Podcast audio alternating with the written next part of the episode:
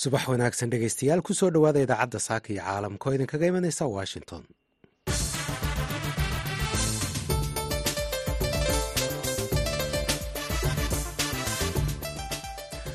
Waa subaxnimo jimcaha bisha febraayo waa lix iyo toban sanadka labada kun iyo afariyo labaatanka. Saaka iyo caalamka waxaa idiin haya anigoo ah haaruun macruuf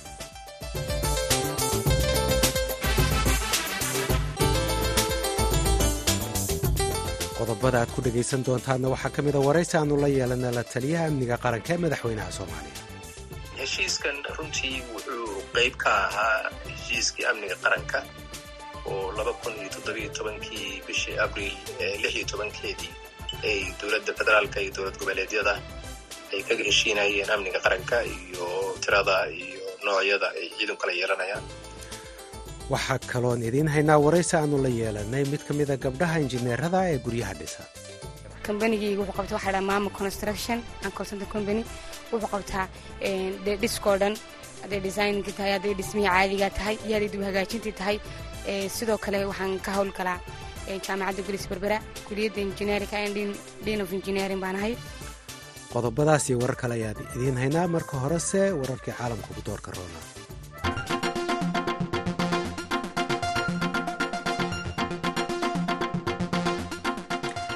wasiiru dowlaha arrimaha dibadda ee soomaaliya ayaa sheegay in soomaaliya u sharaxan tahay inay xubin ka noqoto golaha ammaanka ee qaramada midoobay sannadaha labada kun iyo shan iyo labaatanka iyo labada kun iyo lix iyo labaatanka. Cali cumar ayaa fariin kooban oo ku qoray bartiisa ax ku sheegay in soomaaliya ay tahay waddanka keliya u sharaxan jagadaasi waddamada bariga afrika. Waxa uu sheegay in guddiga fulinta ee midooda afrika uu taageeray musharaxnimada soomaaliya waddamada afrika ayaa saddex kursi oo wareegto ah ku leh tobanka kursi aan joogtada ahayn ee golaha ammaanka. Kuraastaasi waxaa xilligan ku fadhiya waddamada algeria mozambique iyo siraleon xogayaha gaashaandhigga ee nato janes stoltenberg ayaa sheegay in sanadkan uu yahay sannadkii dalalka xubnaha ka isbahaysigaasi ay dhinaca difaaca ku bixin lahaayeen kuna bixinayaan lacagtii ugu badnayd tan iyo markii la aasaasay isbahaysiga. Xogayaha nato ayaa sheegay in dalalka yurub ay guud ahaan lacag gaadhaysa bilyan oo dollar ay ku bixinayaan dhinaca difaaca. Siddeed iyo toban dal oo ka mid ah koob iyo soddonka waddan ee xubnaha ka isbahaysiga nato ayaa bixinaya guud ahaan qaadhaanka laga rabo inay siiyaan isbahaysiga nato. Dal kastaoo xubinka nato ayaa laga rabaa inuu difaaca dalkiisa ku bixiyo boqolkiiba laba wax soo saarka gudaha ee dalkaasi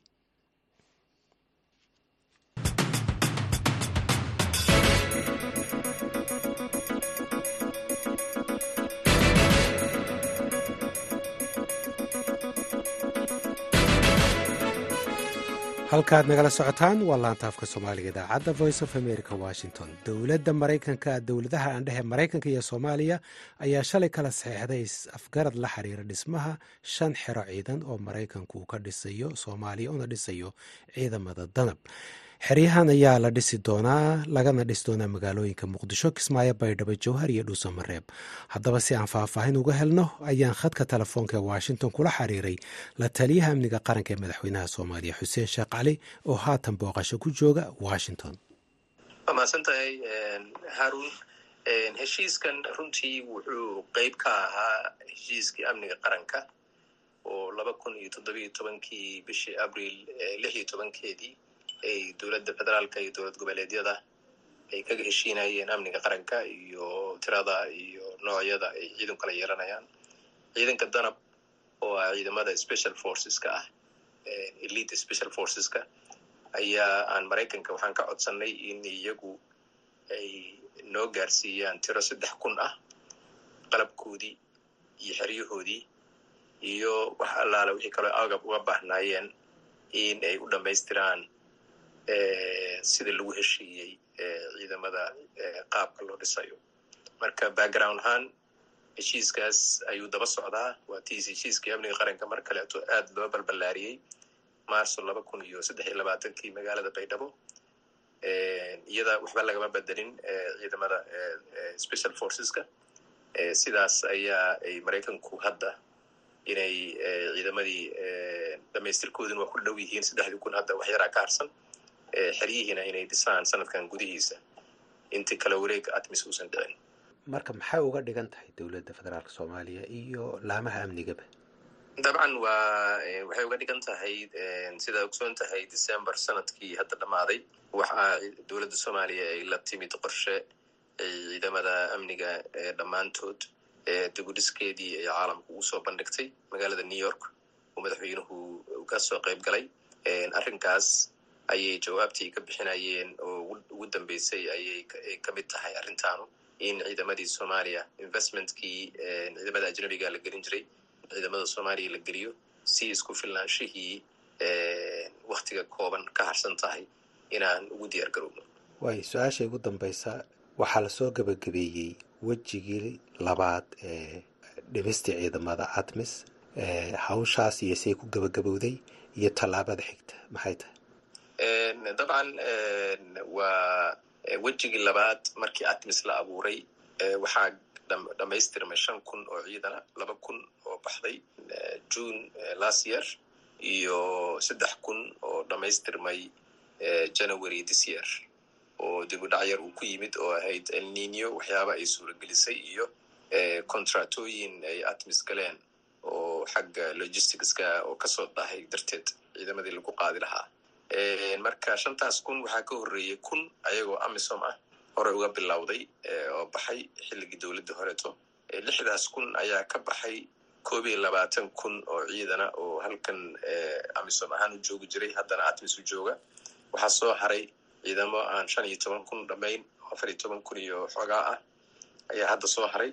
Qeybta xigta oo afarta kun ahna waxay bixi doontaa bisha june sanadkan hadduu ala yidhaahdo inta hartayna waxaa la rajaynayaa in ay baxaan december sanadkan isna way marka atmis sidaas bay ugu dhammaanaysaa. Maxaa xiga ma ciidamo kale oo caalamiya ayaa waddanka la keenayaa ma kuwana koofida laga bedelayaa? Si ay wax noqonayaan. Waa mahadsan tahay haruun waa su'aal aada u fiican. Waxaan rabay inaan bulshada soomaalida u sheego atmis horta magaceedii iyo dhammaan waa la soo gabagabaynayaa december laba kun iyo afar iyo labaatan ayay ku egyihiin waxaa hari doona ama jiri doona ciidamo multinational ah oo inay african yihiin aanan hundred percent la hubin laakiin ay u badan tahay inay african yihiin oo number aada u kooban ah oo loogu talagalay in ay xarumaha waaweyn oo magaalooyinka caasimadaha ee dowlad goboleedyada dalka iyo caasimadda dalka ay ay weli qaab waardiye ah ay u joogaan oon howlgal ku jirin qaybtaas waxay isla wada shaqayn doonaan ciidan soomaali ah oo la lamaanan oo xeryaha ay isla joogi doonaan oo isla howlgeli doonaan oo si ay ciidanka soomaalida ah ay tababarka iyo waarignimada ay leeyihiin ay wala wareegaan ciidanka soomaalidaana ay hadhowti noqdaan ciidanka noqon doona waxyaabaha key infrastructureka la yidhaahdo ilaalintooda. Dabcan doodan soomaaliya waxay berfergaraynaysay inay dhammaan ciidanka ay wada baxaan lakiin joogitaanka hay'ado fara badan oo caalamka ah iyo safaarado fara badan oo caasimadahan ka howlgala iyo hay'ad un ta ah oo unsos la yidhaahdo oo hadda ciidamada atmis iyo ciidamada xoogga dalka soomaaliyeed taageera xagga logisticska siiya ayaa waxaa soo baxday si ay howlgalkooda logisticska ay u fuliyaan inay u baahan yihiin ciidan ajnebi ah oo iyaga meelaha ay logisticska u yaalaan oo u badan garoomo diyaaradeed in maaragtay ciidan ajnebi ay ilaaliyaan. Sidaas ayay dowladda soomaaliya waxay ku ogolaatay qaab kumeel gaara ciidan ajnebi ah inuu sii joogo oo ciidan soomaaliyeed lagu lamaaniyo. Ciidankaas soomaalida ku lamaanana inuu si tartartiiba markaas qaabka oo waardiyaha ah inay ugala wareegaan muddo sanad ku kooban. Tira ahaan waa imise ma la yaqaana xoogooda? Weli layskuma raacin waa qaab negotiationkeedu hadda socdo oo ay between waxaan ku siin karaa waa between saddex kun iyo sideed kun number ah oo aan weli la hubin sida oo qiimeyn ayaa socota oo qiimeyntaas go'aamin doonto waxyaabaha la ilaalinayo iyo sida loo ilaalinayo iyo waana badankood waa eraboorada ciidamadu soomaalida looga daabulo logisticska iyo meelaha baysaska ay ku leeyihiin hay'adaha caalamiga oo taageerooyinka aan laga maarmin ee soomaaliya u haya. La taliyaha amniga qaranka ee madaxweynaha soomaaliya xuseen sheekh cali oo ii u warramaya khadka telefoonka isagoo ku sugan washington.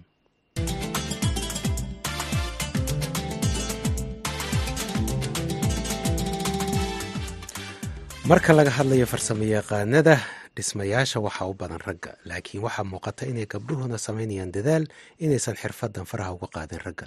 Injineer hibaaq maxamed cilmi waa injineer dhismaha guryaha waxayna magaalada berbere ka bilowday ku shaqaynta farsamadan.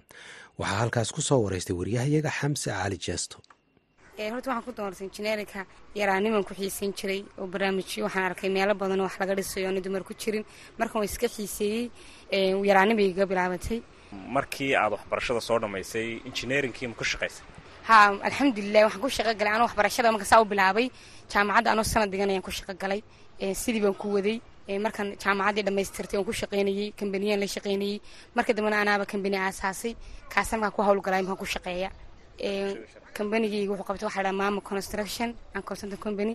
Wuxuu qabtaa dhiskoo dhan hadday designkii tahay hadday dhismihii caadiga tahay iyo hadday dib hagaajintii tahay waxyaabihii shaqooyinka dhisooyinka o dhan serviceka dhisooyinka u baahan yahi o dhan baanu qabanaa sidoo kale waxaan ka howlgalaa jaamacadda gulis berbera kuliyadda engineerinka dean of engineering baan ahay.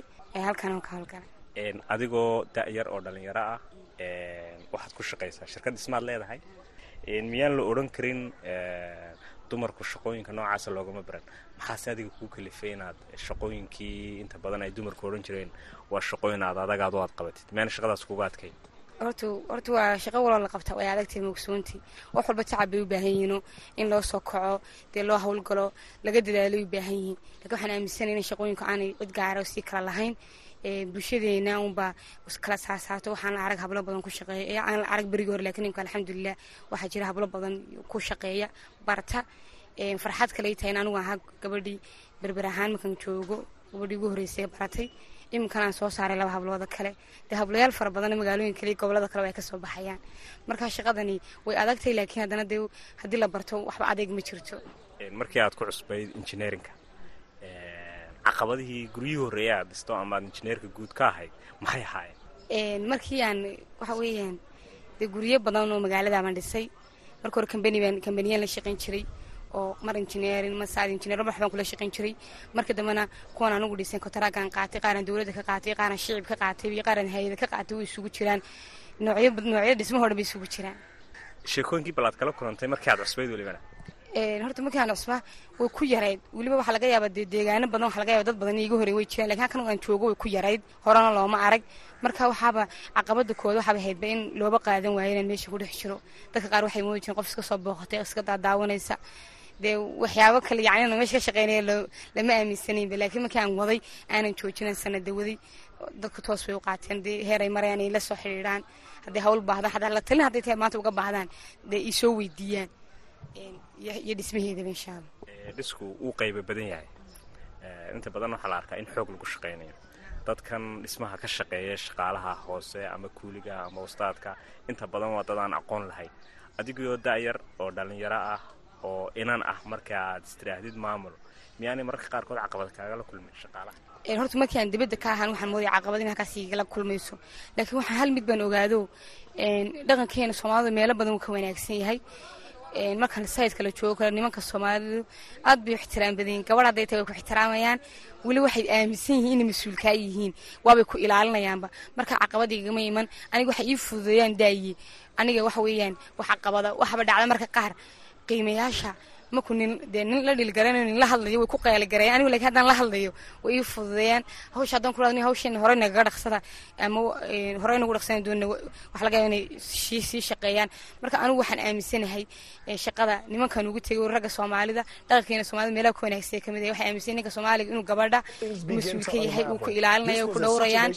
aniga aad bay dhowraan way ilaaliyaan kuwa intan la shaqeeyay weeyaan marka faa'iido badan baa man ka helay aniga xibaaq maxamed cilmi oo khadka telefoonka ugu waramaysay khadka telefoon yaana dhihina magaalada berbere ugu waramaysay wariyahayaga xamse cali jesto halkaad nagala socotaan waa laanta afka soomaaliga ee idaacadda voice of america. Haatanna aynu u gudubno kenya. Qiimaha sarifka lacagta doolarka ayaa aada hoos ugu dhacday dalka kenya iyadoo qiimaha shilinka kenyana uu soo kabanayo. Haddaba waxaa sababay hoos u dhaca qiimaha lacagta doolarka ayaa khadar maxamed khadar maxamuud xareed waxa uu ka wareystay cumar ibraahim xuseen oo ka mida mas'uuliyiinta ganacsatada soomaalida ee kenya. Bismillahi raxmaan raxiim horta waxaa waaye doolarkii waa markii u horeysay waxaa layidhi laba iyo toban sane la soo dhaafay. Waa hadda ayuu maarata shilinka hal mar xoog u yeeshtay marka waxaan dhihi karnaa sababo badan ayaa u sababo ah oo markaan soo koobana waxaa waaye dowladdii oo doolar badan wadanka uu soo galay sababtoo deemihii badnaa oo lagu lahaa ay iska bixiyeen deymo badan oo cusubna ay soo qaateen laba bilyan oo doolar ayay hal mar maarata wadanka soo gashay. Taasna waxawaaye waxay sababtay maarata dadkii maalgashiga inay maarata doolar badan keenaan deemihii dowladda lagu lahaa ay dad badan ay wax mogta deymaha markii ay soo qaadato dowladda faa'iidaha la saarta. Dadkii maarata oo investorka mase lacagta gashan jira maalgashan jira wadanka inay maarata deemihii dowladda say wax u bixinaysa nidaamka ay ku socoto markay ku qanceen inay doolar badan ay soo geliyeen dowladdana ay gacan ka siiyeen inay deemihi iska bixiso deen kalena ay soo qaadato. Marka taas kalsoonidaas keliya waxa ay keentay iyo doolarka badan oo currency foreign currency oo wadanka maarata uu stable noqday ayaa doolarka hal mar waxaa ku imaatay wuxuuse meel hoos u dhac weyn. U halkuu mar hore joogay wuxuu gaaray boqol lixdan iyo toddoba xataa waa gaaray shilinka halkii doolar waxaa lagu sarrafay boqol lixdan toddoba marka boqolkii doolar marka markii hore wuxuu ahaa lix iyo toban kun oo shilin. lix iyo toban kun iyo toddoba boqol iyo shan boqol ayuu ahaa meesha u banday lix iyo toban kun iyo toddoba boqol xataa waa gaaray. Haddana maanta waxaan ka hadlaynaa saddex iyo toban kun iyo ka hoose boqolkii doolar marka hal mar ayaa saddex kun iyo wax dhadho ayuu maarata doolarka soo dhacay. Marka sidee loo dareemay suuqyada kenya arrintan hoos u dhaca?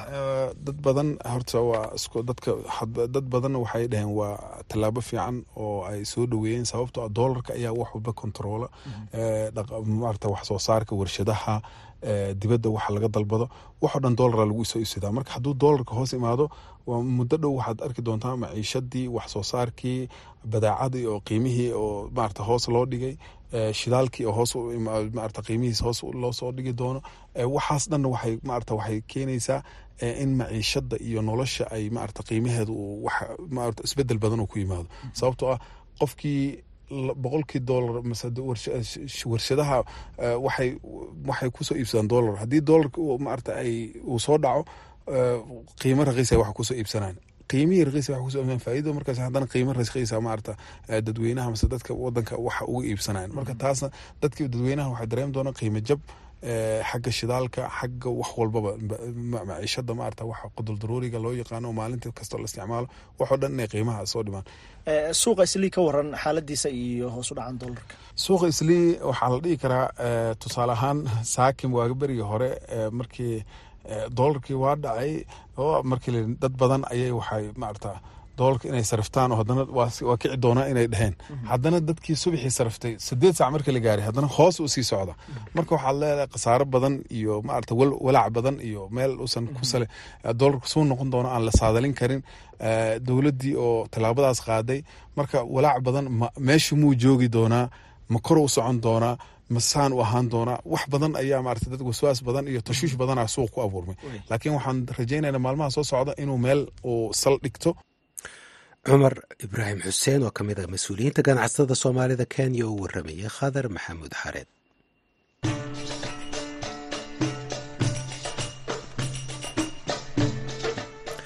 Haatana dhegeystayaal ku soo dhawaada xubintii amuuraha islaamka cabdixaafid cawil ismaaciil ayaa soo jeedinaya dhegeysanaysa meel kastoo aad caalamka ku sugan tihiinba kuna soo dhawaada barnaamijkeenii amuuraha islaamka sida lagu daabacay wakaalada wararka reuters madaxweynaha turkiya dayib erdogan ayaa toddobaadkan booqasho rasmi ah ku tegay magaalada qaahira ee caasimada masar erdoqon oo ay wadaxaajood yeesheen madaxweynaha masar cabdilfataax al siisi ayaa booqashadani waxay noqonaysaa tii ugu horeysay ee ilaa sannadkii labada kun iyo labiyo tobankii.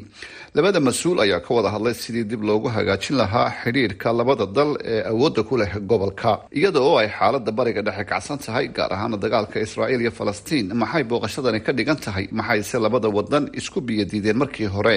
Barnaamijkeena ayaynu ku eegaynaa haddii ilaahay idmo. Booqashadani waa dadaal ay labada dhinac ku doonayaan inay ku hagaajiyaan xiriirkoodii diblomaasiyadeed oo aan wanaagsanayn sanadihii ugu dambeeyey sannadkii aynu soo dhaafnay qaahire iyo cankara waxaay isdhaafsadeen laba safiir bishan turkiya waxa uu ogolaaday inuu masar ka iibiyo diyaaradaha droniska loo yaqaano. Xiriirka labada dal ayaa aada u xumaaday sannadkii labada kun iyo saddexiy tobankii markii uu madaxweynaha masar cabdilfataax siisi afgambiyey dowladii rayidka ahayd ee ilaahay ha u naxariistay maxamed morsi. Maxaa ka mid ahaa haddaba waxyaabaha ugu waaweyn ee ay isku biyadiidanayeen markii hore masar iyo turkiya? Su'aashaasi ayaan weydiiyey cabdiraxmaan aadan ruush xadaana oo ah falanqeeyo degan magaalada muqdisho wax badan buu ka bedeli doonaa. Si aynu ka warqabno labada dowladood waa laba dowladoodoo waaweyn waa laba dowladoodoo ururka islaamkana ku jira. Masarna waxaynu ka warqabnaa in jaamacadda carabta dee xarunteeda ay tahay. Labaduba calaaqaad bay la leeyihiin israa'iil. Labaduba calaaqaad waxay la leeyihiin xamaas. Inkastoo masar markaad eegto iyo turkigu turkigu uu u sii badan yahay xamaas iyo ururada kale ee wadaadada ku dagaalamayaba ghaza marka waxaynu odhan karnaa haddii xurguftii yareed ee masar iyo turkiga ka dhexaysaba iyagu ay dhammayn karaan waxaynu odhan karnaa waxaa dhici karta inay u dhisaan dowladdii ay filistiiniyiintu ku naaloonayeen ay ahayd inay dowlad madax bannaan loo sameeyo filistiin. Waana taa ay ku doodayaan masar iyo turkigu ay doonayaan in khilaafka ugu weyn uu yahay dowlad loo dhiso filistiin oo ka garab dhisan israa'iil. Marka haddii taa ay ku guuleystaan oo adduunkana ay ka dhaadhiciyaan sida uu sheegayo turkiguna damaanad la helo waxaa dhici karta marka in khilaafkuba lagu soo koobo in horta marka hore dowlad loo dhiso filistiin marka xabad joojintu ay dhacdo. Marka taa way ku guuleysan karaan haddiiba labadoodu ay heshiiyaan. Waana u eeg tahay in labadoodu imika ay ku heshiinayaan in arrintaa si deg dega loo fuliyo madaxweynaha erdogan ayaa xaalada u dejiyey ismaandhaafkii ka dhexeeyey isaga iyo dowladaha masar imaaraadka sacuudiga iyo israa'iil ilaa sannadkii labada kun iyo koob iyo labaatankii. Laakiin wixii ka dambeeyey bishii weerarkii xamaas ay ku qaaday koonfurta israa'iil toddobadii oktoobar waxay si toos ah isaga hor yimaadeen hogaamiyaha israa'iil. Booqashada erdogan waxay ku soo beegmaysaa iyada oo ay socoto dagaalka israa'iil ka wado qasa masar iyo turkiya oo ah laba dal oo awood ku leh gobolka kulankoodu wax ma ka bedeli doona dagaalka qase iyo rafa waa kan mar kale cabdiraxmaan aadan ruush xadana. Cabdixaafidow wuxuu soo bilaabmay khilaafkoodu labadii kun iyo saddexiyo tobankii julaay saddexdeedii markii cabdifataax siisi oo ah madaxweynaha ilaa hadda imika jooga masar uu ka adkaaday dowladda ikhwaan muslimiinka ee uu hogaaminayey maxamed mursi. Siaynu ka warqabno xilligaas erdogan iyo dowladda turkigu waxay aada iyo aada u cambaareeyeen cabdifataax siisi iyo dowladdaas. Waxay aada u cambaareeyeen in xukunka laga qaado maxamed mursi colaadu halkaas ayay ka bilaamatay way soo jiitamaysay ilaa ay soo gaadhay libiya markii iyada lafteedu dagaalku uu ka dhexdhacay nimankii ikhwaan muslimiinka ahaa iyo ninkii kale ee xaftar oo xaftarna waxaa taageeri jiray masar.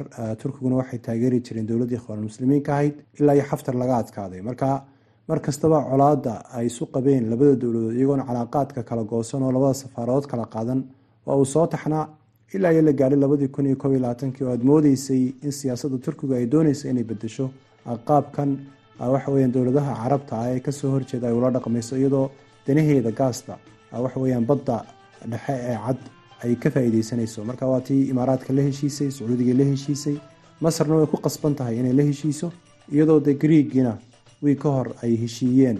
Marka waa siyaasad isbedela oo xagga turkiga ka timi iyo masar oo runtii dhaqaalaheeduna aada u liito ay dooneyso inay turkigii dhaqaalaha iyo dhinaca kaleba iska kaashadaan arrinta libiya iyo arrimaha kale soo masar israa'iil qatar iyo maraykanka ayaa yeeshay salaasadii wadahadal ay ku baadigoobayeen heshiis xabad joojin ah oo qasar laga gaadho laakiin wax natiijo ahi kama soo bixin. Qaahira ayaa si cad u sheegtay inaysan ogolaan doonin in qaxoontiga qase ay ka qaxaan xadka ay la wadaagto dhulka falastiin ee burburay intaasi ayaynu dhegaystayaal ku soo gabagabaynaynaa barnaamijkeenii amuuraha islaamka. Aniga oo cabdixaafid cawil ismaaciil ayaa soo diyaariyay oo idinla socodsiinayay taniya inta aynu mar kale kulmayno. Haddii ilaahay raalli ka noqdo sidaas iyo jimca wanaagsan. Mahadsanid cabdixaafid caawil ismaaciil. Haatan waxaynu gudbaynaa dhinacii heesaha ismaaciil yare ismaaciil xuseen farjar waxa uu soo qabtay hees aada u da-weyn fanaaniinta ay qaadayana fanaaniintii hore weeye. Marka da-yaraantiisii iyo fanaaniintii hore bal waxaa isu keenay mar baynu ka wareysan doonaa. Waxa weeyaan cismaan maxamed cabdikariin cismaan gacanlow iyo xaliimo khaliif cumar magool labadoodaba allah u naxariisto. Heestuna waa alhumaday haysaa. Adna kuu dambaysay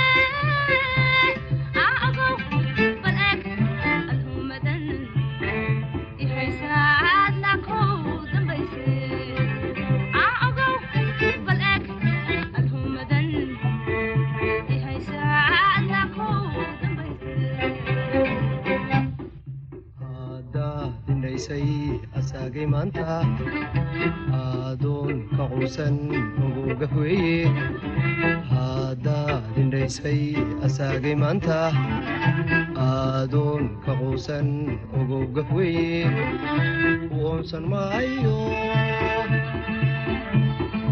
axad kaleete ha ogow baleeg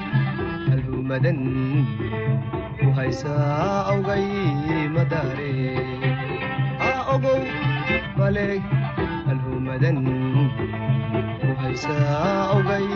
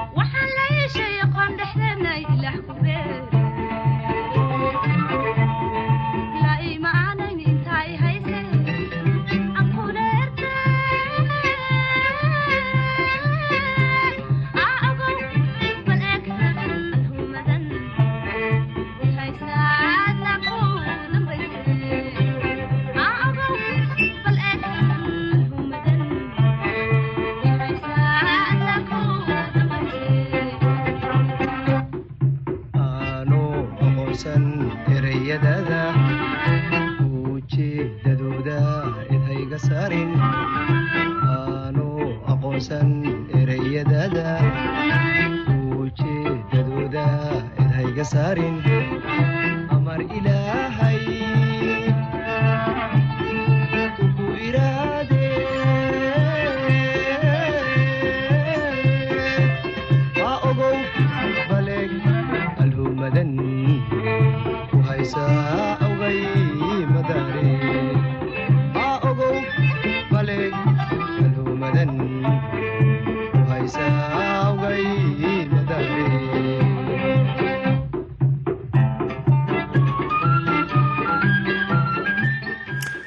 Allahu naxariistee cismaan maxamed cabdikariin cismaan gacanlo iyo xaliimo khaliif cumar magool.